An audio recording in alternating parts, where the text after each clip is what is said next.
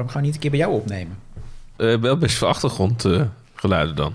Van de, de kat, je, je kind en zo. De kat is weg, hè? Is de kat weg? Bobby is eh, niet Oh. meer. Wat dan? Hij eh, eh, wordt eh, geïntermedieerd naar een nieuw onderkomen. Eh, is gewoon uitgezet. Nee, hij- we, we hebben een soort van bemiddelaar gevonden... die helpt om lastig opvoedbare of moeilijke katten... een nieuwe ja, woning te geven. Oh, Gaat hij uiteindelijk naar een boerderij toe. oh oké. Verder nog wat meegemaakt? Beetje last van mijn keel. Wat dan? Ja, ik weet, moet even kijken. Van je keel? Mhm. Oh nee, nee, we nee. Nee. Alsjeblieft Bjorn, nee. Niet weer die vreselijke hints terug.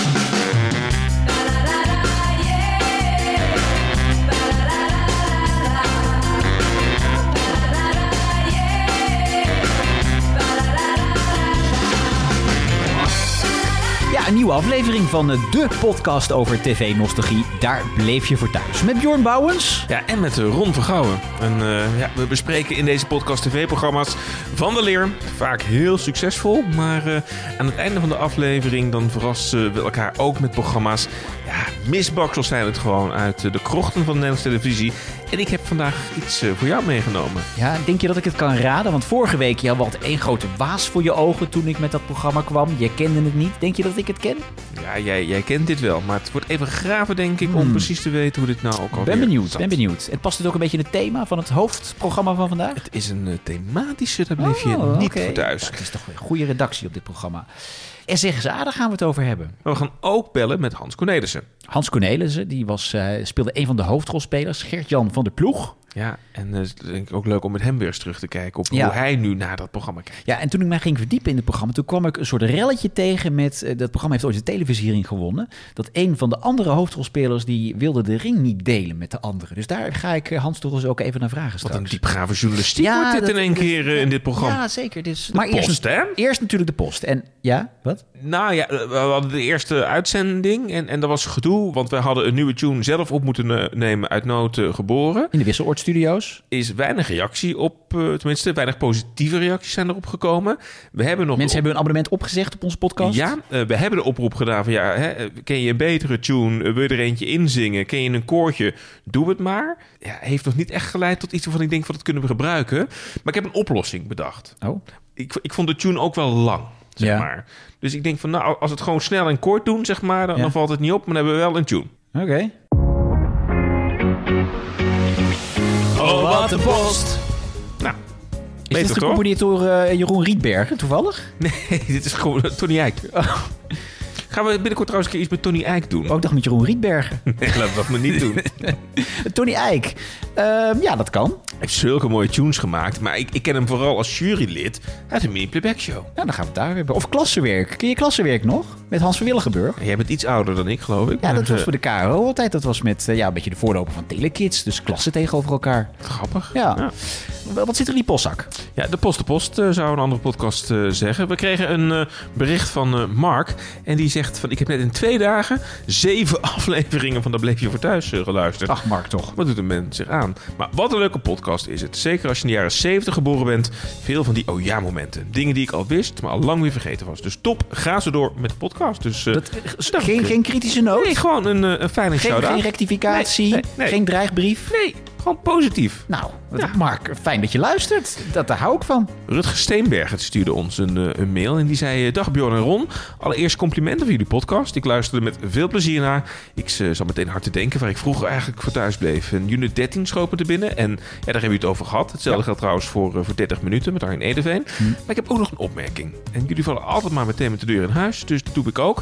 Ik ken Ron van de radio, maar ik weet niet zo goed wat jij Bjorn doet. Dus waarom zijn jullie nou de experts? Misschien is het idee om dat nou eens even te, hè, een soort voorstelrondje te Een voorstelrondje. podcast. Dus, en toen dacht ik van, Ja. misschien dat ik jou dan toch nog even nader kan introduceren voor de mensen die je ook niet van de radio kennen. Ja. En dat jij mij introduceert. Ja, nou begin jij. Je bent Ron Vergouwen uit, uit, uit Schijf, al, al daar geboren. Tot nu toe eh, klopt het. Ging met mij ooit eh, een middelbare schooltijd door in het pittoreske Roosendaal. Ja, maar je kunt nu wat eh, jaren skippen hoor, want anders duurt het wel heel lang.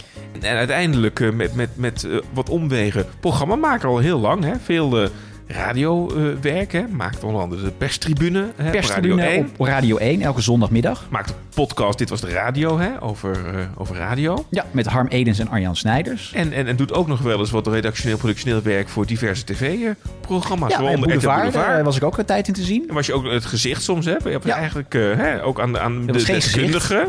Dat was geen gezicht. Een rijk oeuvre, zou ik willen zeggen. En eh ja, Bjorn Bouwers, jij werkt onderwijs. Dat is een beetje Ja. jouw, jouw eh, vak, eh, métier. Maar wel een grote liefde voor film vooral. Ja. Hè, eh, we horen je heel vaak ook op de radio. Eh, bij eh, Omroep Max ben- heb je een vaste filmrubriek gehad. Maar we horen je nog steeds vaak. Op Radio 5 is dat vooral, Ja, hè, dat we je vaak terug horen.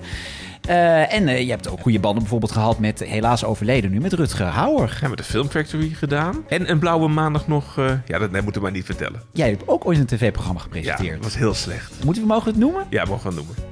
RNN7. Ja. Zoekt u het op thuis? Ja, het was RNN7 live. Dat was wat- geen goed idee. Ja, maar dat was toch een programma ja, samen met, met Bert Kuizinga en zo, toch? ja, nee, Viola Holt zat daarbij. En, en Jeremy Snow, Kevin Brouwer, Ed van Alle grote namen uit de televisiewereld zaten Ja, erin, zeg en maar. Ik, en ik was een soort van mega invallen, maar het was, wel hilarisch, zeg maar. Dus Zijn er ook nog videobanden van? ja, maar die zitten in een kluis, die komen er nooit uit. Nee. Dus eh, Rutger, het, het is een gemeleerd gezelschap hier. Maar eh, wij- wij- het is wel zo dat we al 25 jaar over tv en alles wat ermee te maken heeft praten. En dat we het eigenlijk nu in de podcast op zijn gaan nemen, toch? Ja, en jij bent eh, dat, uit de grond van mijn hart nog steeds eh, mijn allerbeste vriend. Nou, en dat is wederzijds. Ja. Nou, wat mooi. Is er nog meer mail? Ja, de- deze kon ik niet plaatsen. Ik denk dat dat voor jou eh, bedoeld is. Dus de beste vriend. Ik wil graag dat je de erfgenaam bent van mijn overleden cliënt. Hè? Die de nationaliteit van jouw land had. Het heeft een enorm bedrag op een bank hier in Togo gestort. Neem alsjeblieft contact met me op. Van advocaat Gifford Gibbs. Is dat een eh, vriend van jou?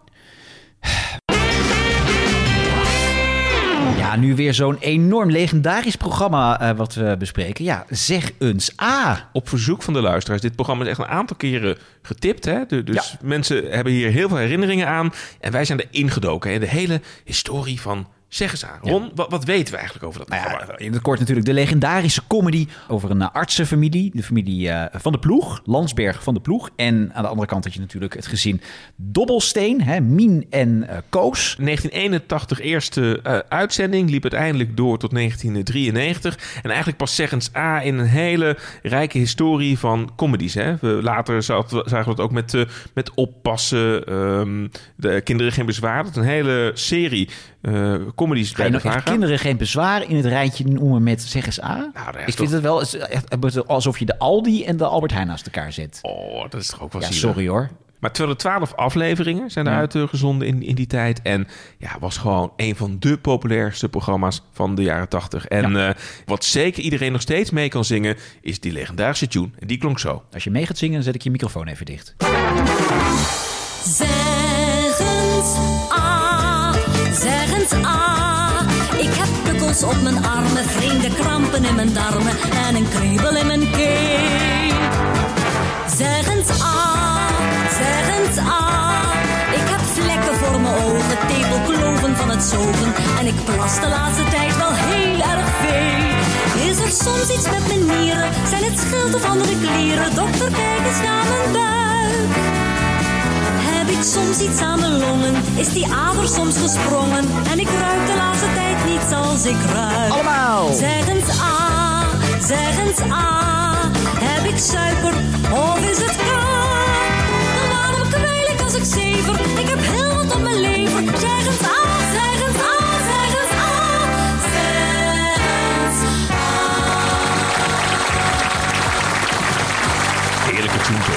Nou, moeten we toch ook altijd even de naam noemen van de componist Ruud Bos. Hè? De man bijvoorbeeld van de tune van De Fabriek. Misschien heb je De Fabriek nooit gezien, maar ken je de tune? Die is ook fantastisch. Nou, wat mooi. Want we probeert ook altijd nog even een Efteling-moment in de uitzending in te bouwen. Heeft voor de Efteling gedaan? Fantastisch. Weet je welke muziek hij gecomponeerd nou. heeft? De Fata Morgana muziek. Ta is fantastisch. Droomvlucht heeft hij gemaakt. En ook een van mijn favorieten, eh, Villa Volta en Vogelrok. Nou, het is ongelooflijk. Zijn Ik schrijf u mee thuis. Het zijn allemaal Ruud Bos eh, klassiekers. Goh. Ja, echt super. Wat trouwens ook leuk is, is dat eh, ook in de jaren 80 had André van Duin. Dat is trouwens altijd ook iets wat we even erin moeten fietsen. Dat doe ik maar meteen. Kom, eh, kom dan ook maar gelijk met die Bassie en Adriaan. Ja, die komt straks. Die, komt straks. Die, die had Animal Crackers in de jaren 80, hè? Ja. Da- daarin had hij heel veel beelden van dierentuinen en daar ging die stemmetje overheen eh, eh, maken. Die heeft ook deze lieder van Zeg eens A met dieren gemaakt in Animal Crackers. Dus dat ja. moeten mensen ook even terug gaan kijken. Oh, wat Het is echt Ja. superleuk. Nou, over de serie zelf. Het ging dus over een doktersfamilie. Het is geschreven door Giem van Houweningen en zijn vrouw Marina de Vos. En Alexander Pola. Dat is een beetje de drijvende kracht achter, eh, achter deze serie. Twee werelden. Hè? Je had de rijke familie van eh, de dokters. En je had de wat armere familie van eh, de huishoudster. En ja, als ik nou zeg, zeg eens A. Dan is er natuurlijk één quote die natuurlijk te boven komt als je denkt aan zeg eens A. Wat is nou de, de quote, de bekende zin uit zeg eens A? Vakantie man gezellig, hè? Ach, kom op, Jorn. Oh. Met de assistenten van dokter van de ploeg. Met de assistenten van dokter van de ploeg. Met de assistenten van dokter van de ploeg. Mag ik dokter Landsberg even? Oh, die stem van Carrie Tefse als Mien Dobbelsteen. De, was de huishoudster eh, hè, in, in, eh, bij- de doktersfamilie. maar was eigenlijk wel de ster van de show. Hè? Want eh, ze was getrouwd met, met Koos, gespeeld door John, John Leddy. Man er zat zoveel herkenbaarheid. eh, omdat Mien en Koos ook wel een beetje voor de gewone man en vrouw stond. En ik weet ook zeker, ook bij mij in de familie... Hè, konden gewoon heel veel mensen zich identificeren met Mien en, en, en Koos. Ja, en dan met die legendarische quote. Echt, Carrie Tefse is gewoon ook haar hele leven Mien Dobbelsteen gebleven. Hè? Ze- Ik, ik had ook, want later ging zij eh, ook, ook programma's presenteren. Hè? Want, want zij werd heel beroemd door deze serie. En ze deed ook het programma Op Goed Geluk. En dan moest zij ook gillen op Goed Geluk. En dan moest ik ook altijd, altijd denken aan die quote van... met de assistent van dokter de ploeg. Kun jij het ook zeggen? Met van dokter van de ploeg. Goed hoor. Ja. Ja, heel natuurlijk. Ja, heel, hele hoge stem. eh, en, eh, ja, het was een beetje een trend dat allemaal eh, populaire acteurs en actrices gingen presenteren. Want wat natuurlijk de vorige uitzending hadden wij de Staatsloterijshow. Ja, het was een beetje, vooral bij, bij John de Mol, het was een beetje zijn idee om ja, populaire acteurs en actrices ook maar voor een camera in een tv-studio te zetten. Als presentator of presentatrice. Maar, maar ehm, Koos en Mien, de gewone man en vrouw uit de straat. En wat er ook gebeurde, want er kwamen nog wel eens kleine probleempjes voorbij in die serie. Ja, je zag gewoon dat die ontzettend veel van elkaar hielden, Koos en Mien Dobbelsteen. Maar ze konden ook kibbelen als geen ander, toch? Kijk eens, dit zijn folders voor videocamera's. Ja, dat zie ik ook nog wel. En daar gaan wij daar eentje van komen. Nou, nee, nee, Ja. nee. Als je het maar uit je bolle hoofd laat, hè. Ga ik jou filmen, naakt in een duimpan. Altijd leuk voor later. Hey, jij in je blote kont, holend door het bos. Als je het maar uit je bolle hoofd laat, hè. Hey, daar laat ik Jopie 10.000 kopietjes van trekken. Die gaan als warme broodjes over de toonbank. Die camera betaalt zijn eigen, de vakantie erbij, joh. Hey, Over mijn blote lijk. geintje. Nee, dat weet ik ook wel, anders had je al lang een aardappel je kop. Ja, natuurlijk een geintje. Hey, nou, er is toch geen hond die de poen voor over heeft om jou in je blote kont te zien lopen? Ja, Koos eh, die had niet echt een vaste baan, zullen we maar zeggen. Dat was altijd een beetje sappelen om eh, inkomen te vergaren. Ja, eigenlijk bracht Mien, die bracht altijd het geld Ja. binnen. Ja, Koos was klusje hier, klusje daar. En, maar dan had hij ook vaak wel de neiging om ergens te gaan vissen. Of, of dat hij dan toch in de kroeg belandde en dan Mien niet informeerde. Dat was dan een soort van rode draad. En Ja. dan, dan vond Mien niks. Ja, lekker inderdaad om, om Koos dan weer even het leven zuur te maken. Ja, uiteindelijk, eh, het kan niet met, het kan niet zonder elkaar, zou ik maar zeggen, toch? Waar kom je vandaan? Het is al zeven uur. Ik zit al een uur met eten te wachten. Ja, spullen regelen, hè? Vroeger zat je al om vijf uur achter je pilsie. Ja, kunst. Vroeger had ik werk, nou moet ik werken. Veertien uur per dag. 15 uur desnoods. Hey, schep eens op, joh. Ik rammel van de honger. Dat moet ik eerst weer gaan opwarmen. Opwarmen? Ja, als ik al die tijd op het gas heb laten staan, dan had je nou schoenzool op je bord gekregen. Dus eh, ga je me even verkleden? Verkleden? Ja, omdat we om acht uur op dansles moeten zijn. Vanavond? nou, vergeet het maar. Ik ben de hele dag met balken en balen cement in de weer geweest. Ik ga niet vanavond jou ook nog eens over die dansvloer sjouwen. Het was ook echt wel een VARA-serie. Omdat dat Koos en Mien ook heel erg voor die arbeidersklasse eh, stonden. En dat werd dan ook een beetje een decor van die wat rijkere eh, eh, nou, artsenfamilie. Hè, werd dat gesitueerd. Die wel heel sympathiek eh, eh, waren. En eh ja, Sjoukje Hoijmaier, dat was natuurlijk echt een grande dame van, van het toneel. Hè. Was een hele serieuze actrice. Ja, sterker nog, de, de bedoeling was dat de serie om haar zou draaien. Om eh, de dokter. Uiteindelijk is Tefse is Ja. met, de, met de shine gaan lopen. Ja, en haar man eh, werd gespeeld door eh, Man Manfred de Graaf. Nou, de, haar man, want aan het begin van de, de serie is Sjoukje is de, als dokter is weduwe. Uh, haar man is overleden, dus zij woont samen met haar twee kinderen. En zij blijkt dus een affaire te hebben, een relatie met een, een arts uit het ziekenhuis. Maar ze zijn niet eh, getrouwd met elkaar. Best modern eigenlijk, hè? Ook voor in de jaren tachtig wel. Nou ja, moderne relatievormen kwamen voorbij inderdaad. Er kwam een lesbisch stel, eh, kwam bijvoorbeeld erin voor. Eh, de bommoeder zat in de allereerste uitzending. Weet je wat een bommoeder is? Hoor je nooit meer iemand over Ja, tegenwoordig. ik, zou, ik zou gokken, als ik in Weekend Miljonair zou zitten, zou ik zeggen bewust ongehuwde moeder. De door u ingetoetste... Oh nee, dat is- staat op het reisje. Eh dat is goed. Ja. Nou, ik heb deze vriend hoeven bellen.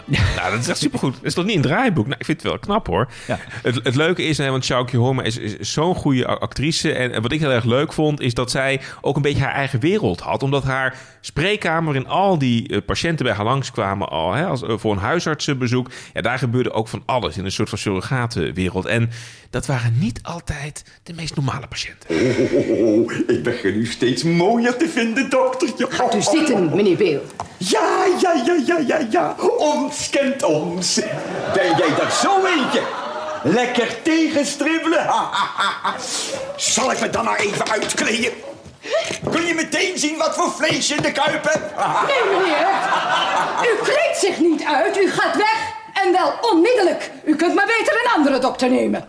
Nou, zou tegenwoordig niet meer gebeuren. Hè? Zo. Nou, ja, behalve als je bij de Voice of Holland werkt. Ja, precies. dat maar verder, ja, dit was echt MeToo eh, avant la lettre natuurlijk. Ja. Ja. Wat ook leuk was, het is een fantastische vaste cast hè, die, die we net eh, eh, eh, noemden. Maar ook de, de wat kleinere bijrollen, die waren ook eh, fantastisch. Want ken jij zangeres Ria Valk nog? Ja, die van, eh, hoe heet het? Eh, eh, Ik heb bosjes op de bosjes, rijtjes op de dijk. Nou, die- Eh, We zouden niet meer gaan zingen. Ja. Dus het is echt, dit, dit is voor niemand goed en leuk. Nee. Nee. Maar, Maar- zij Ja. was, speelde ook in Zeg eens Aria Valk. Ja, zij had er een, eh, een rol als... De beste vriendin van Mien Dobbelsteen. Nee, Ja. de zus. Het is toch geen gezicht op zijn oude karkas? Zeg, wacht jij eens even met je oude karkas. Ik ben, ben je de knalvikanis? Wat doe ik er jonger dan jij? Ja, maar wat heeft het nou te maken met die oude rotfiets van Koos?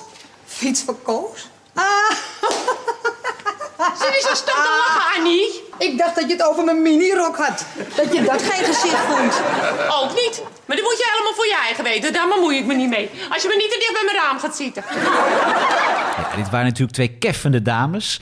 En zij werd later geïntroduceerd, eh, weer, want zij zat er niet vanaf het begin in. Het werd ook een beetje, ja, na een aantal jaar moet je wat nieuwe castleden toevoegen natuurlijk om het een beetje fris te houden. Ria Valk was een van die frisse leden eh, van, de, van de cast. En zij kreeg een relatie met de beste vriend in de serie van Koos. Jopie. Jo, nou inderdaad. En Jopie, die kennen we, de, de acteur, dat was Herman Kortekaas. En weet je nog waar we die van kennen? Het Bassin Adriaan, is dit de Bas- Nee, nou, nou wel bijna goed. Ja, je weet toch weer het, dat is Peppy en Cookie. Peppy en Kokkie.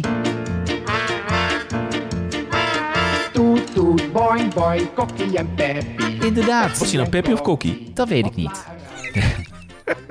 nou, en Jopie en Annie, oftewel Ria Valk, die kregen dus een relatie met elkaar. Overigens wat heel grappig is, want eh, Jopie, die, dat was dus de beste vriend van eh, Koos. En Jopie die zat altijd eh, Koos een beetje te bedriegen, hè? of tenminste altijd een beetje geld afhandig te maken. En die kwam nooit zijn afspraken na. Op een gegeven moment kregen zij samen een videotheek. Weet je hoe de videotheek van Jopie en van Koos heette? Peppy en Cookie video's. Nou, bijna. Bassin Adriaan, Dirina producties. Kojo Video. Nou, wat Dat goed. is toch De leuk? tijd ver vooruit. Ja. Dat is een soort van Robio, maar dan anders. Wat? Robio? Robio? Ja.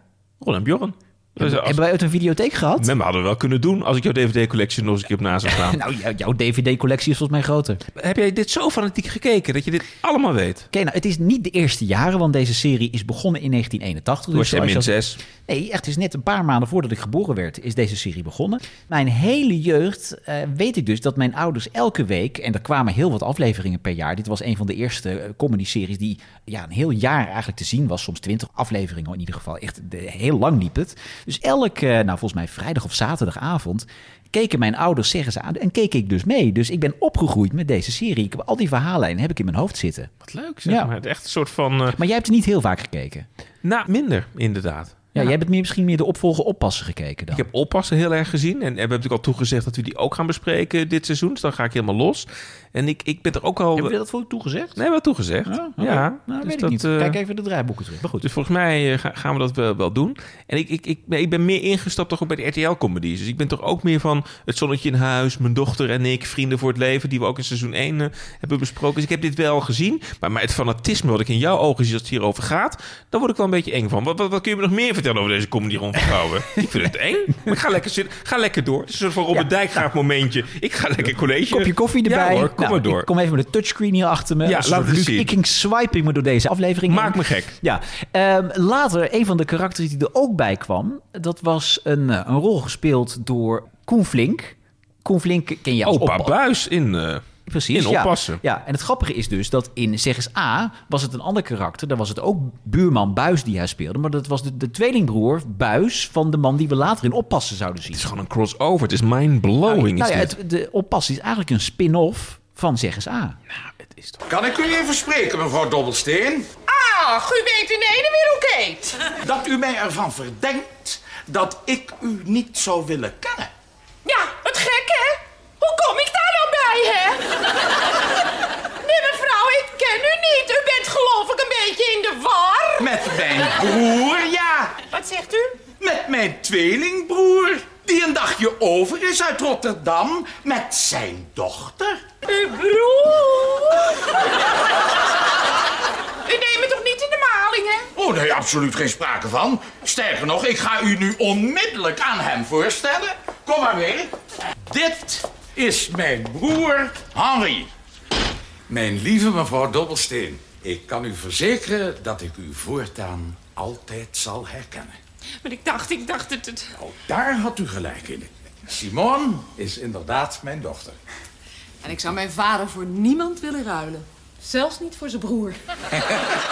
Ik zie dat je het weer niet snapt. Ja, wel, ik snap het best wel. Maar het is net of iemand Wikipedia helemaal in voorleest, zeg maar, met Ja. eh, alle vijf. Maar ik vind het heel leuk. Ja. En ehm, wat dan grappig is, dat ehm, de makers van deze serie, Giem van Houweningen, dat was echt, nou ja, echt een varaman puur zang. Die had het eh, beste voor met de wereld. En af en toe kwamen goede doelen als een soort sluikreclame voorbij in de serie. Je had het bijna niet door. Hebt u zin om mee te gaan?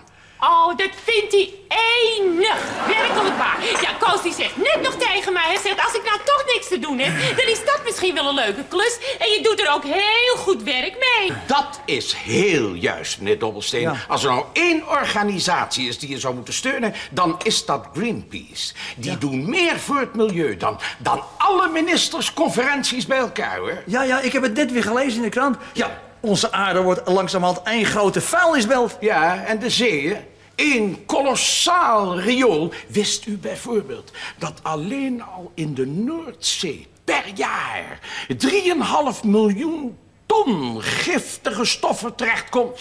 Nee. Gelooft u mij niet? Eh, ik wist het niet. Wat wist u niet? Eh, dat het zoveel was. Maar eh, daar gaan ze nou toch over praten, hè? Over de Noordzee, Noorwegen, Denemarken, Nederland. ah, Al die ministers, hè? Ja, ja, ja, de ministers gaan erover praten. Ja. Maar wij gaan er wat aan doen. Ja. Akkoord? Hey, eh, top, ik ben je man, het buis. We gaan er samen heen. Afgesproken zeg. Wat subtiel ook, inderdaad. Ja, ja, vroeger had je de zogenaamde Postbus 51 spotjes. nou, dit had er zo ingekund hoor. Ja, geweldig. Koen Als ik die stem van Koen Flink hoor, moet ik altijd denken aan Robin Hood. Waarin hij fantastisch ook eh, zijn stem... O ja, ja, was is een beetje dit soort, dit soort stemmen. Het was een, was een acteur, een grote acteur. Sowieso die Giem van Houweningen, dat, dat, de Vara-man. De schrijver. Ik ja. moet er ook altijd wel, wel denken aan... Weet je, dat, wij gingen toch regelmatig samen naar televisiering gala. Tenminste, ik, We zijn er wel eens een aantal keer dronken, als een dronken lor op een trap beland. ik mocht jou ja. mee als jouw handtas, zeg maar. Maar het, het viel me altijd op, in een soort hele gekke combinatie... dat Giem van Houwingen daar ook altijd was. Met wat voor combinaties liep je daar dan rond? Ja, met Liz Snoyink. Ja, maar Lis Snoyink zat met iedereen. Want ik weet nog dat wij een keer Robert en Brink ook in gesprek zagen met Lis, Snoyink. En ja. de vrouw van Frits Sissing. Dat was heel raar. Ja, maar eh, nou, de, de vrouw van Frits Sissing was inderdaad ook altijd met Robert de Brink en of Lis Snoyink te vinden. En Giem van Houweningen die liep er altijd daaromheen. Ik, Ja. ik, kon, ik kon dat nooit plaatsen. Er kwam op een gegeven moment een nieuwe dokter in de serie. En dat was Kenneth Herdigijn. Ja, Dr. John. Dr. John. Eh, ja, dat was dan een, een, een donkere dokter. Nou ja, dat had in de jaren tachtig, ja, je kunt je niet meer voorstellen, maar dat, dat in die tijd was het toch ook eventjes wennen voor heel veel kijkers nog, denk ik. Ja. En die kreeg een relatie met, ja, kunt u het nog volgen, dames en heren, het nichtje van Hans Landsberg. Dat is dus de man of vriend van Lidie, van Dokter van de Ploeg. Schrijft u mee? Ja, en die werd weer gespeeld door... Kiki Klasse. Ja, die kende ik later nog van Diamant. Grote indruk gemaakt. Waarom? Ja, kijk de video's maar terug. Oh ja, oké. Maar goed, Kiki Klasse en Kenneth Herdigijn, dat was het nieuwe droomkoppel van de serie. Die kregen een relatie met elkaar. En eh, ja, die eh, kwamen dus op een gegeven moment eh, in het huis wonen bij eh, de dokters. Oh, ik zie dokter Jan! Ik zie, ik zie dokter Jan! Dobbelsteen is hier ook. Hij is vandaag gekomen, hij is vanmorgen in plaats van vanmiddag aangekomen. Oh, en dan heb ik nog niet eens mijn chocoladecake gebakken. Oh, maar dat geeft niks hoor, mevrouw Dobbelsteen. Als u nu maar meteen naar de keuken gaat om die cake te bakken, ja? Oh, oh, oh, oh, ze- oh, zet dokter Jan een wijs voor mijn duim. Oh, wat schrik ik nou ervan, hè? Mevrouw Dobbelsteen, er komt nog een kleine verrassing bij. Ga er maar Oh, even ja, bij zitten. Hè? Kom. Eh, Wiep heeft mij zojuist ten huwelijk gevraagd. En ik heb ja gezegd. Een huwelijk zat eraan te komen. En heel modern ook. Hè? Dus, wat ook jij zei het er straks al. Die serie wilde ook wel een soort van vooruitstrevend zijn. Hè? Dus dat zat in de cast, eh, de samenstelling van die cast. Maar ook het feit dat dan de vrouw de man ten, ten huwelijk vroeg. Dat was ook in die tijd helemaal niet zo normaal. Dus Nee, dat, eh. En ook eh, de klasongelijkheid. Hè? Dus wat je ook heel erg zag, is dat de vader het ook belangrijk vond... dat zeg maar Mien Dobbelsteen ook niet werd gezien als de huishoudster. Hè? Dus wat bijvoorbeeld ook... eh, Nee, ze was gewoon onderdeel van het gezin. Precies. En, en, en, bijvoorbeeld werd ze ook altijd mevrouw Dobbelsteen genoemd, zeg maar. Dat was toch ook heel erg om, nou ja, het respect eh, voor, voor haar werkzaamheden en haar rol in het gezin, om dat te benadrukken. Ja. Dus, eh, Maar goed, het is tijd om te gaan bellen. We gaan bellen met een van de sterren uit de eerste seizoenen. en we hebben al zoveel acteurs en actrices genoemd in, in deze hele opsomming van, eh, ja, Ja, nou, de zoon van eh Dr. Lidie van de Ploeg in de eerste seizoenen, dat was eh Gert-Jan van de Ploeg. En die werd gespeeld door... Hans Cornelissen. Nou, mij niet bellen. Nou, mij niet bellen. Mij niet bellen. Mij niet bellen. Nou, mij niet bellen. Mij niet bellen. Nee, en mij ook niet. Maar niet mij bellen. Nee hoor, mij niet meer bellen. Goedenavond Hans. Goedenavond. Hans Cornelissen, welkom eh, in Daar Bleef Je Voor Thuis. Wat leuk dat we je mogen bellen. Ja, ik vind het ook leuk dat jullie bellen. Ja, want, want we proberen vandaag terug te blikken op dat succes van Zeggens A. Daar zijn we al warme herinneringen aan het ophalen. En ja, hoe, met wie kunnen we dat dan beter doen? Met, met jou, die al vanaf het begin aan die serie, eh, bij die serie betrokken was. Weet jij nog eigenlijk hoe jij gecast bent voor die serie, Hans? Ja, ik werd gebeld door Margaretha van Dam. Dat was toen een van de belangrijkste casting directors. En eh, die zei, ja, eh, er is een, eh, ik moet een casting doen voor een nieuwe comedy-serie. A. Dat vond ik een rare titel. Ik dacht, eh, het lijkt wel een medische quiz of zo. Ja. En eh, ze zei, ja, het, is, het zijn acht afleveringen en het wordt opgenomen voor een live publiek. Dat was wel heel ongebruikelijk in Nederland.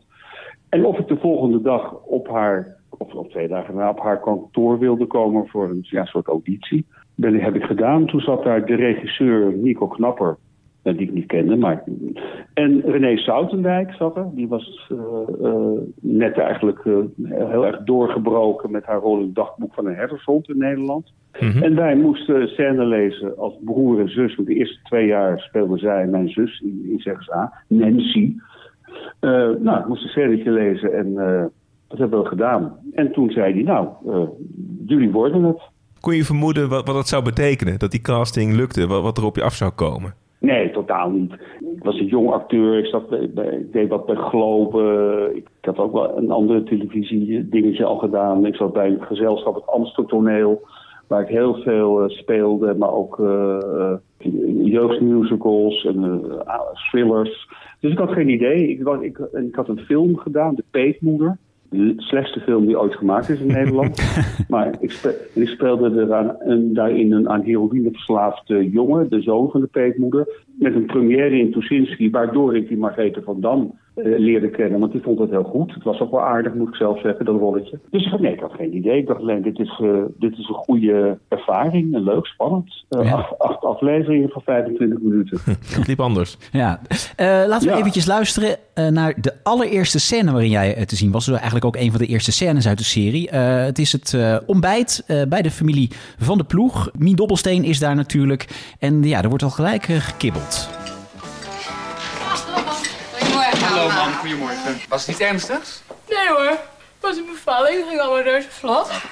Meneer is de bombaby. Bombaby? Wat is nou een bombaby? Bombaby's waren er nog niet in de tijd, mevrouw Dobbelsteen. Ja, maar wat is het dan? Nou, BOM betekent bewust ongehuwde moeder. Het zijn eh, vrouwen die wel een kind willen hebben, maar geen man. Ja, Zeg, neem mij een beetje normaal.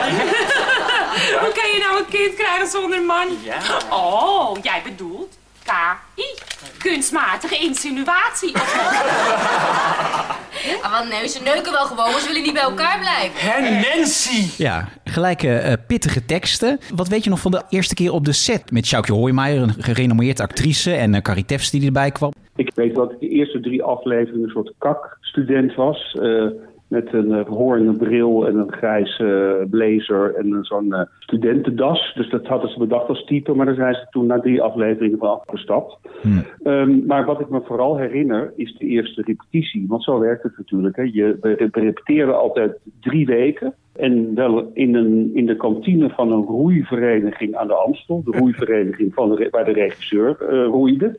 Dus daar, daar werd gerepeteerd. En dan uh, na die drie weken gingen we dan een week de studio in. En dan werden er drie afleveringen opgenomen om de twee dagen met live publiek.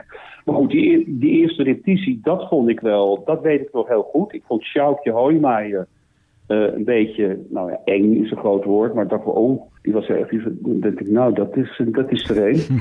en, en met Carrie uh, had ik meteen, uh, dat hekje stond met een soort flits, binnen tien minuten een, ja, een soort bandklik. Ja. overigens ben ik met Sjoukje uitermate, op uitermate goede voet gekomen en gebleven, bevriend.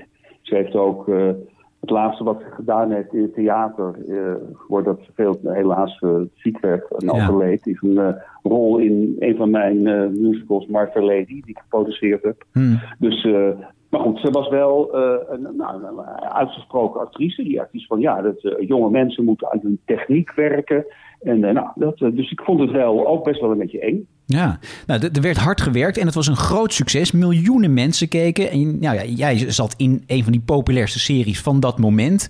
Um, moeten we jouw sterrenstatus in de jaren tachtig... kunnen we dat een beetje vergelijken met wat later Reinhard Oelemans meemaakte... met Goede Tijden, Slechte Tijden, 15 jaar later? Ik denk dat het, dat, dat zo is, ja. Stond je ook op posters in de hitkrant en zo en dat soort ja, sterrenstatus? Maar het is, wat, wat, wat ik wel moet zeggen, er keken naar slechts aan het hoogtepunt gewoon bijna 7 miljoen mensen. En dat, ja. dat, dat, dat is natuurlijk idioot als je daaraan terugdenkt. Dat, dat heeft goede tijden ook nooit gehad. Dat is logisch, want er waren ook meer, meer zenders. Maar het betekende wel dat de helft van Nederland, van de Nederlandse bevolking, daarnaar keek. Dus uh, die, die, na die eerste acht afleveringen in dat seizoen, ja, toen merkte, toen merkte ik dat een beetje. Toen was de serie, ja, mensen vonden het leuk. Maar toen zei de VARA, uh, dat vol, nou, we gaan, er, we gaan ermee door, maar dan maken we er meteen twintig. Toen opeens barstte het los. Uh, dat was wel massief. Want ja, ik bedoel, iedereen, of iedereen, de helft van de Nederlandse bevolking zag het. Wat was het vreemdste En, wat je ooit eh, meemaakte, Hans? Dus wat leverde dat aan reacties op? Wat, wat heb je daarin beleefd? Gillende fans? Ja, ja, alles. Uh, gillende fans, uh, uh, mensen met eten voor de deur, ge gebreide dingen. nou ja, als je ging vliegen, dan werd je automatisch geupgrade. Ik wil niet zeggen dat dat vervelend is. Maar ik heb altijd wel iets gehad van, ik vond het altijd ook wel een beetje ongemakkelijk. ja, er zijn ook acteurs of zangers of presentatoren die er heel goed mee om kunnen gaan, die er ook van genieten.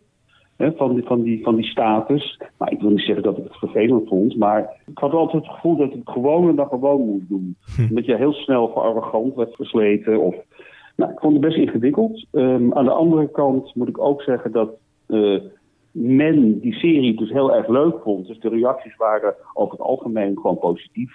En natuurlijk heb ik er veel aan gehad. En uh, heb ik er veel van geleerd en heb ik ontzettend leuke dingen meegemaakt. Zeker met de collega's. Maar in de tram gaan bijvoorbeeld vond ik echt een crime. Dat deed ik gewoon een tijdje niet. Kon niet. Of kon niet, het kon wel, maar dat is gewoon niet te doen voor mij. Kun je verklaren waarom het, waarom het zo'n succes werd, die serie, Hans? Dus, dus wat was nou dat de helft van Nederland thuis bleef om naar Zeg A te kijken? Wat was het geheim van die serie?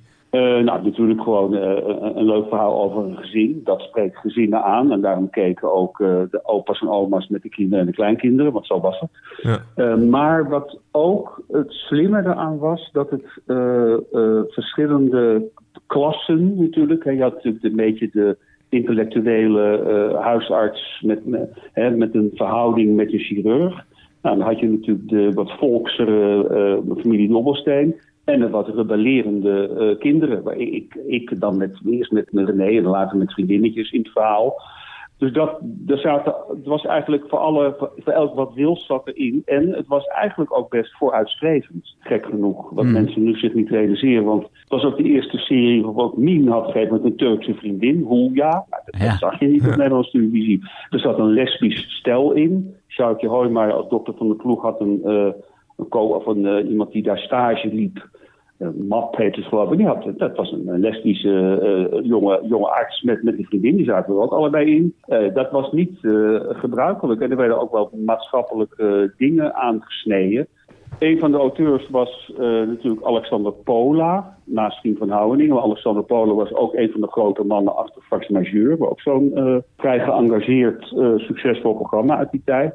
En die sneed dat soort onderwerpen aan. En niet dat het een soort belerend programma werd, maar gewoon in dat amusement, in die com goede comedy zaten toch af en toe uh, moderne, vooruitstrevende of maatschappijkritische elementen. Heel mild. Maar dat, dat, dat maakte het natuurlijk best opmerkelijk. En uh, Tess uh, is natuurlijk, uh, dat, dat, dat moet ik gewoon zeggen, die heeft daar een creatie neergezet.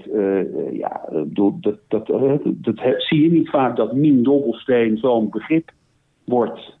en ik weet nog wel dat op een gegeven een soort verkiezing was van de populairste vrouw van Nederland. Dat koningin Beatrix op één stond en, en dan Mien Dobbelsteen op twee.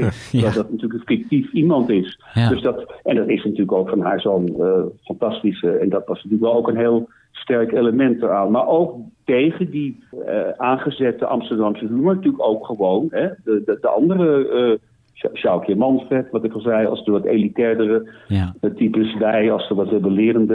En natuurlijk ook, het was natuurlijk een alleenstaande huisarts, vrouwelijke huisarts. Uh, weduwe met twee uh, tienerkinderen die een verhouding had met de chirurg. Dat klinkt niet allemaal heel gewoon, maar het was allemaal best wel voor die tijd niet voor de hand liggend. Ja, en, en jij als uh, de dokterszoon, jij kreeg op een gegeven moment ook een, een zoon en uh, jouw vrouw uh, ging met het zoontje weg ook. Dat was ook een, ja, een alleenstaande vader opeens geworden. Ging ze weg? Zij ging weg toch met het kind? Oh ja, ze ging weg. Ja, ze ging weg. Je bent er overheen inmiddels, dat is wel fijn, Hans. Ja. Mien, een, een. Pien, oh ja, ging het. Ja. Dat is helemaal niet. Ja. Ging weg. Oh ja. Ja. ja. En later ging Ja. jij uh, naar Afrika. En ik ging natuurlijk, toen kreeg ik een andere uh, teuntje. En toen later ging ik naar Afrika. Maar René Zoutenwerk was ook naar Afrika na twee jaar. Ze gingen allemaal naar Kenia. Als, het, als ze uit de Syrië gingen. Ja. Dus dat was ja, allemaal in de, in, in de ontwikkelingshulp, geloof ik. Die arme Lidie van de ploeg. Al de kinderen die vlogen naar het buitenland. Ja. Um, um, even, even over dat, dat hoogtepunt van de populariteit van die serie. Jullie kregen, uh, ja, uiteraard zou ik bijna willen zeggen, de televisiering. Ik, las in een oude krant dat er ook een, een beetje een relletje was. Want er werden meerdere televisieringen uitgereikt. Tegenwoordig is, wordt er gewoon eentje aan een programma gegeven. Maar jullie kregen als hele cast volgens mij allemaal een ring, toch? Heb jij er ook een op, op je nachtkastje staan? Ja, ja, er was een van, ik wil er niet verder op ingaan, maar er was een van de, uh, een van de, mijn collega's in de cast vond het gewoon onverstandig dat er zoveel ringen werden uitgereikt. Zeker aan de jonge acteurs, dat vond hij dat het daardoor wat devalueerde. Nou, dat was een beetje een dingetje. Uiteindelijk is dat een storm aan glas water geweest. En kregen we gewoon de hoofdrolspelers, kregen zo'n ring. En ik heb ook bezoek gehad van Anneke Schat, de, de bekende goudsmid die dat al, al die jaren doet. Dus die komt dan bij je en uh, dan kan je met haar overleggen over wat voor ring je wil. Ik zei niet zo groot, het zijn soms enorme gevaartes. Hm. Dus je hebt een beetje een bescheiden ding met uit een soort drie A's uh, opgebouwd. Dus nou ja, dat is natuurlijk bijzonder, heel bijzonder. Dat ik die uitreiking. Dat ging toen nog in het Okura Hotel, in een zaaltje boven. Met een soort optreden. Wij kregen dan een half uur Bertien Stenberg. Stenberg, oh. Stenberg. Zo, ja. er werd uitgepakt. Zo. Ja, ja. En um, nou, met alle respect voor uh, Rondo Rousseau, wat heet het toch weer? Gigantische hit. Maar dat was natuurlijk wel een, een enorm evenement en heel bijzonder. En uh, ik heb hem uh, één keer bewust echt gedragen, die ring. Toen Sjoukje Hoijmar haar laatste voorstelling speelde in Carré in maar verleden, een jaar vier, vijf geleden. Toen was ze al te ziek om te spelen, maar ze wilde per se terugkomen. Toen heb ik ook uit, een hele grote speech gehouden. En toen heb ik ook gezegd, Sjoukje, ik heb het ding nu om. Eh, ook voor jou, voor ons, voor wat we hebben meegemaakt. Nou ja, dat is een soort uh, dierbaar iets waar ik wel, uh, wat in mijn herinnering zit. Het is natuurlijk niet iets wat, je, wat, wat ik ga aan, aandoen, zo'n ring. Ja. Maar toen wel. Mooi dat die Ja. erkenning er is. In 2009 kwam de serie eigenlijk voor een tweede keer op je pad. Hè? Want toen kwam de remake bij RTL 4. En ja, toen werd jij eigenlijk ook wel echt het middelpunt van, van die serie. Hoe was het om na al die tijd weer die, die serie te gaan spelen? Nou, het was veel eerder, want eh, ik ben natuurlijk eh 18 jaar geleden mijn productiebedrijf samen met Ruud de Graaf begonnen. Ja, Eh, met de Graaf theaterversie. Ja. Ja, en we hebben eigenlijk als, eh, na twee jaar eh, een theaterversie gemaakt. En dat, eh, ik heb echt een jaar lang met Giem en Marina, de schrijvers, eh, Giem, en- Giem en Marina van Houding, want die zag het helemaal niet zitten. De, acteurs over allemaal wel, behalve John Leddy. Maar verder Sjoukje, Manfred, Kiki, eh Carrie. En opeens belden ze op, nou we doen het. Eh, en toen ben ik zelf wel geschrokken toen dat doorging. En toen dacht ik, en dan duurt het nog een jaar, hè, dan moet je het gaan schrijven en eh, ontwerpen. En ik dacht wel van, wat, heb ik, wat ben, waar ben ik aan begonnen? Je, je krijgt natuurlijk dat het publiek, net heb je dat stelletje weer. Maar dat werd zo'n krankzinnig succes, eh, die theater. Die was gewoon 220 jaar uitverkocht. En ik weet dat de eerste try-out in de grote Schouwburg in Enschede... En we hadden eigenlijk geen idee allemaal. Na, na een half uur, die mensen die braken de tent af. Die sjouwtje in de coulissen tegen mij. God, ze vinden ons leuk. En dat was echt krankzinnig. En ik moet zeggen dat ik zelf het gevoel heb dat alles wat aan Zeggers A leuk was, daarin samenkwam. Het was zo ontzettend goed script. Heel erg van die tijd. En de vormgeving was te gek met een draaitoneel, heel erg in beweging. Ik vind eigenlijk dat dat Zeggers A optima forma was. Eh, dus dat was een groot succes. En we hebben vier jaar, daarna, vier jaar later nog, nog een versie gedaan. Ook weer zo'n groot succes. En toen natuurlijk de remake op televisie bij RTL. Dat was een minder groot succes. Eh, in het begin wel. Maar eh, ja, daar hadden we even iets langer de tijd voor moeten hebben. Het eerste seizoen, ja, dat, dat red je dan niet met acht afleveringen om de toon weer te pakken. En de wens was heel erg vanuit RTL dat het heel snel was. En eh, het was ook te lang. En, eh, en er was geen dramaturgische afdeling, want RTL slankte net heel erg af in die tijd. Dus er zaten, en daar wil ik niet mee zeggen, maar het was niet onder ideaal gesternte. Er hadden, hadden gewoon betere mensen op moeten zitten en eh, we hadden iets langer de tijd moeten krijgen, denk ik. Maar goed, het was toch heel leuk. En toen hield het op, althans, dat denk je dan, maar nou, was het steeds herhaald. Dan was het weer bij de treur-tv. Dus het, eh, ja. Maar kriebelt het nog wel eens, Hans? Is het ook niet verleidelijk om ook als je over nieuwe... Laten we hopen dat, dat de, de theaters weer eh, helemaal vol kunnen gaan draaien. Kriebelt het dan toch niet om weer eens een keer iets met Zeggers A te gaan doen? Iets wat zo'n Nee, rode met draad is. Schout en Manfred zijn er niet meer helaas. Allebei overleden. Ik kijk natuurlijk niet naar. Ik bedoel, dat doe je niet. Ik heb ook nooit banden of video's bekeken. Maar Mhm. ik zie wel eens toevallig een flits. Eh, als je smiddags, want het wordt dan smiddag. En ik zag een paar weken geleden een scène met Sjoukje Manfred. Dat vind ik dan toch heel hard binnenkomen. Heel gek. Ik heb ook op beide uitvaart eh, op de verzoek van de familie wel uitgebreid gesproken. Graag gedaan overigens. Maar dat vind ik er toch wel gek. En eh, nee joh, ik moet er niet in denken om daar weer iets mee te doen. Dus echt passé. Ja, ik zeg altijd spuug nooit in de bron waar je uitgedronken hebt. Hè. En, en dat vind ik ook. Maar ik ben er... Kijk, nu, dit, nu niet. Dit is, dit, in jullie podcast gaat het om eh, dingen die eh, vroeger populair waren of waar je aan terugdenkt. Dus dat vind ik logisch. Maar ik heb ook wel eens iets van... Ja, en daar ben ik er ook wel over uitgeluld. Want eh, ik ben met zoveel andere dingen bezig. Ik, bedoel, ik heb er bijna 60 eh, theaterproducties gemaakt met de Gabriel Cornelissen. Dus ja, het komt altijd wel langs. Het is ook niet erg. Helemaal niet erg. En ik merk het ook gewoon... Nou ja, daar, ja altijd gebeurt het wel toch dat je dan weer... eh, die herkenning toch plaatsvindt. Ja. Het is allemaal niet erg, maar het is een heel mooi deel uit mijn leven, uit mijn loopbaan, hoe we het noemen. eh, waar ik eh, geen spijt van heb, ook trots op ben. Maar er is daarna wel heel veel anders gebeurd. En ik zou er nooit meer iets mee, mee willen nu. Klaar. Ja. Hans, dankjewel dat jij met ons herinneringen wilde ophalen aan eh Zeggers A. En eh, heel erg dank voor je tijd. Graag gedaan. Leuk toch? Hè? Ja, superleuk. eh, En leuk dat hij gewoon met veel plezier erop terugkijkt. En eh, ook zonder dédain. En gewoon ja, als een waardevolle herinnering. Zo is het maar net.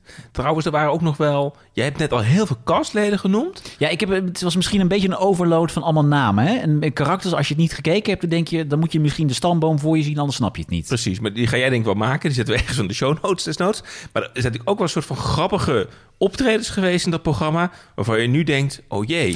Ja, en ik moest dus even graven in mijn geheugen. Maar op een gegeven moment dacht ik van... Er was op een gegeven moment een eh, uitzending... dat de familie Dobbelsteen naar Griekenland ging. Ja, toen hadden ze opeens budget of zo. En waarom was het nou zo? Ze hadden een quiz gewonnen.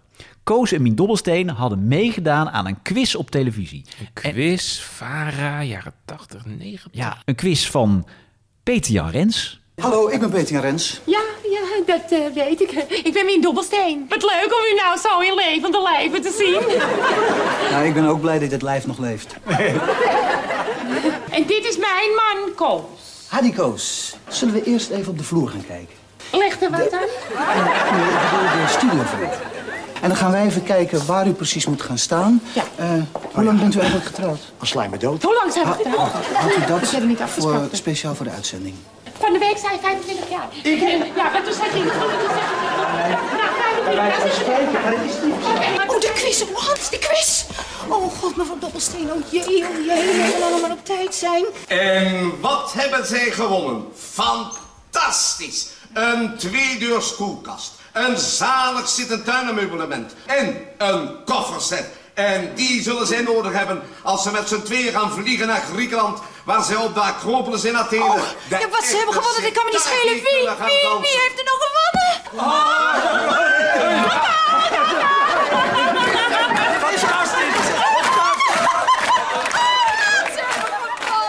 Ja, en Koos en Mien hadden dus eh, een mooie prijzenset gewonnen. Overigens, het grappige was dus, ik kon me dit nog helemaal herinneren. Want dit was in een van de latere seizoenen. Ik was al wat ouder. Ik kon me deze hele aflevering nog herinneren. En ik ook dat tuinset en zo, dat ze dat hadden gewonnen. En dat ze daar niet blij mee waren, want ze hadden namelijk geen tuin, Koos en Mien. Oh. Maar ze hadden wel een tuinset gekregen. Leuk toch voor, voor ja. Ja. Hey, wat ook wel leuk is, hè, wat, wat Hans heeft ook net verteld, hè, dat natuurlijk de toneelversie heel succesvol was, maar ook dat die remake bij RTL eh, eh, kwam en ehm, ja, werd niet het succes wat ze hoopten. De vraag is ook of het kan. Het waren korte seizoenen, dus of, het, eh, of die comedy echt helemaal goed ontwikkeld heeft, weet ik niet zeg maar. Maar we even luisteren hoe dat klonk jaren later eh, met Hans Cornelis in de hoofdrol RTL. Zeg eens A, zeg eens A. Mag ik botox op naar de spa? Dokter is nobel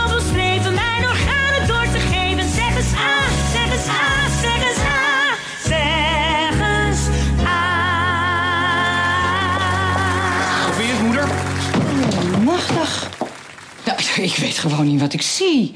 Nou, het, eh, ik moet wel even wennen hoor. Maar jee, wat een licht en wat een ruimte. Nou, was wel even een partijtje knokken, hoor. Oh, heb jij soms dwars gelegen, Gert-Jan? Nee, mevrouw Dobbelsteen. Die wilde alles graag zo laten zoals het was. En jij hebt het desondanks voor elkaar gekregen. Hallo, mevrouw Dobbelsteen. Ach, dokter. Wat ben ik blij dat ik u zie. Oh, kijk eens wat ik voor u heb meegenomen uit Sarkozië. Maar u komt toch uit Frankrijk? Ja, klopt. Het is ook nu het land van president Sarkozy en zijn vrouw Carla Bruni. Oh. Nee, dan woont Koos nu ook in Sarkoos, zie je. Ja. Hoe gaat het met hem? Heel goed, heel goed. Aardappel. Heb jij die RTL-serie gezien destijds? Heb ik wel gezien. En ik vond ook zo mooi dat Chucky Hoijmaier daar toch even terug in. Ja, die had een gastrol. Gastrol, hè? terug. Eh, Ja. was een van haar laatste acteerklussen. Ja, ik, ik heb het gezien en toen pakte het, het me niet. Maar, Hmm. Maar voor mij is ook wel dat het dat natuurlijk ook met minder budget gemaakt moest worden dan in de tijden bij de VARA. Ehm, het kwam niet zo. Oh, het is altijd sowieso moeilijk om een programma nu leven in, in te blazen. En hoe goed de acteurs, actrices ook, ook zijn in, in deze scripts en in deze setting, kwam dat gewoon minder tot zijn recht. Ja, dan hoorde toch blijkbaar de serie heel erg bij de varen. Overigens nog een detail over die nieuwe serie. Ja, ik zit heel erg aan de details in deze aflevering. Sorry hoor. Ja. Maar weet je wie er dus gewoon out of the blue bestond in deze remake? Nou. De moeder van Mien Dobbelsteen. Ah. En Mien Dobbelsteen die was volgens mij al nou ergens in de 60. Kun je nagaan hoe oud die moeder dus was. En eh, dat was Mien was niet meer de, de flap uit van de serie, maar de moeder van Mien. Kun je het eens voorstellen? Dus er kwam een, zeg maar, een karakter wat zogenaamd... kwadraat. M- Mien in het kwadraat was. Ja, vond ik niet echt een slimme zet. Ja, kijk, Mien moet toch gewoon de ster blijven van de serie. Ja, heb je wel gelijk in. Ja. Ehm, maar even terug nog eh, heel kort naar de originele serie. Die is natuurlijk ooit na honderden uitzendingen geëindigd. En daar moest door de, de makers een mooi einde aan worden gebreid. Eh, het is altijd wel leuk om even te kijken van hoe hebben ze dat verhaal nu afgerond. Dat hebben ze destijds gedaan door eh, ja, Mien een lintje aan te laten bieden door de burgemeester. En ja, er kwam een hele rare eindscène bij, want opeens mocht het publiek het decor inlopen. Dat klonk zo. Meneer de burgemeester, mag ik u dan verzoeken? Ja, ja, bijzonder graag. Eh, mevrouw Dobbelsteen. Eh 25 jaar lang bent u, eh, hebt u lief en leed met eh, het gezin van de ploeg gedeeld. U was voor honderden patiënten de steun en toeverlaat. En het is dan ook daarom dat het Hare Majesteit de Koningin... bij koninklijk besluit van 15 januari 1993... behaagd heeft om u de zilveren medaille te verlenen... behorende bij de Orde van Oranje Nassau.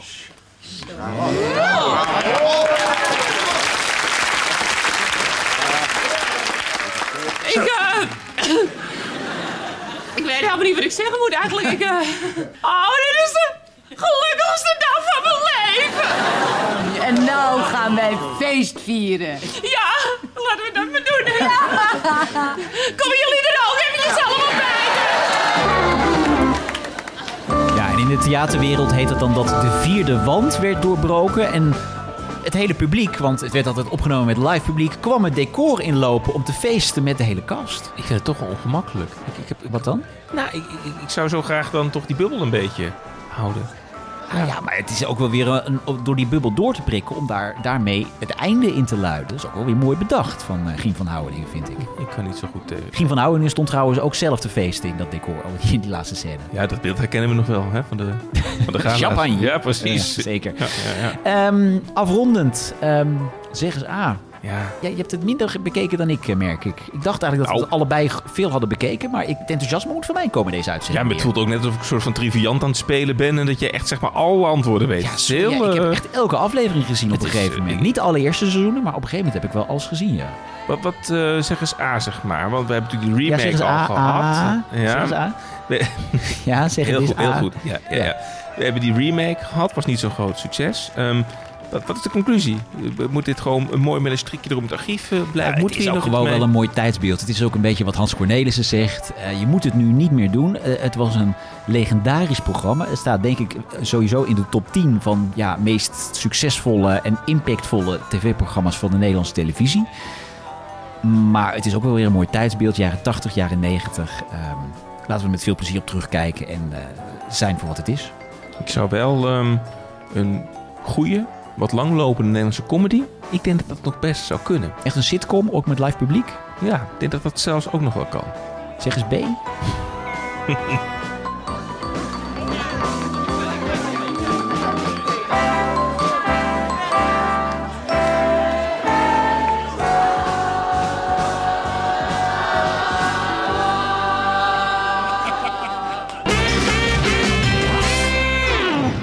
Het is tijd voor de eindrubriek. Eh, daar bleef je niet voor thuis. En het is eh, ja, nu aan Bjorn om mij te verrassen met een programma. Hij heeft niet van tevoren gezegd wat hij heeft meegenomen.